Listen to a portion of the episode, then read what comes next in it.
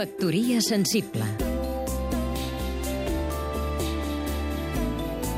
Eva Piqué, periodista i escriptora. A la Cristina se li ha mort el pare, així, de cop. Li recomano que llegeixi el llibre de la Milena Busquets, També això passarà. L'ha publicat ara llibres a la traducció al català i anagrama en la versió original castellana. La Milena Busquets és la filla de l'editora i escriptora Esther Tusquets, morta el juliol del 2012. Escriure aquesta novel·la autobiogràfica ha estat part del procés de dol. A sobre, el llibre va ser un fenomen a l'última Fira de Frankfurt i s'està traduint a més idiomes dels que podria imaginar qualsevol escriptor en el millor dels seus somnis.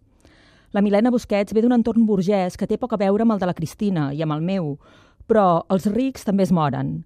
I quan se'ns mor algú, a tots ens passa si fa no fa el mateix.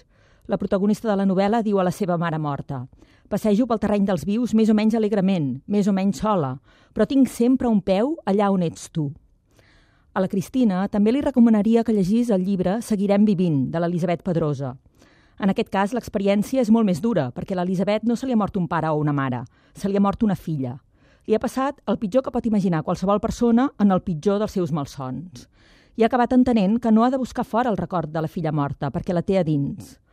Tant l'Elisabet Pedrosa com la Milena Busquets han hagut d'escriure per continuar vivint. I els que encara passegem pel terreny dels vius ens va bé llegir llibres sobre la mort, llibres contra la mort. Com diu la poeta Estel Soler, la venjança és viure. Factoria sensible Seguim-nos també a catradio.cat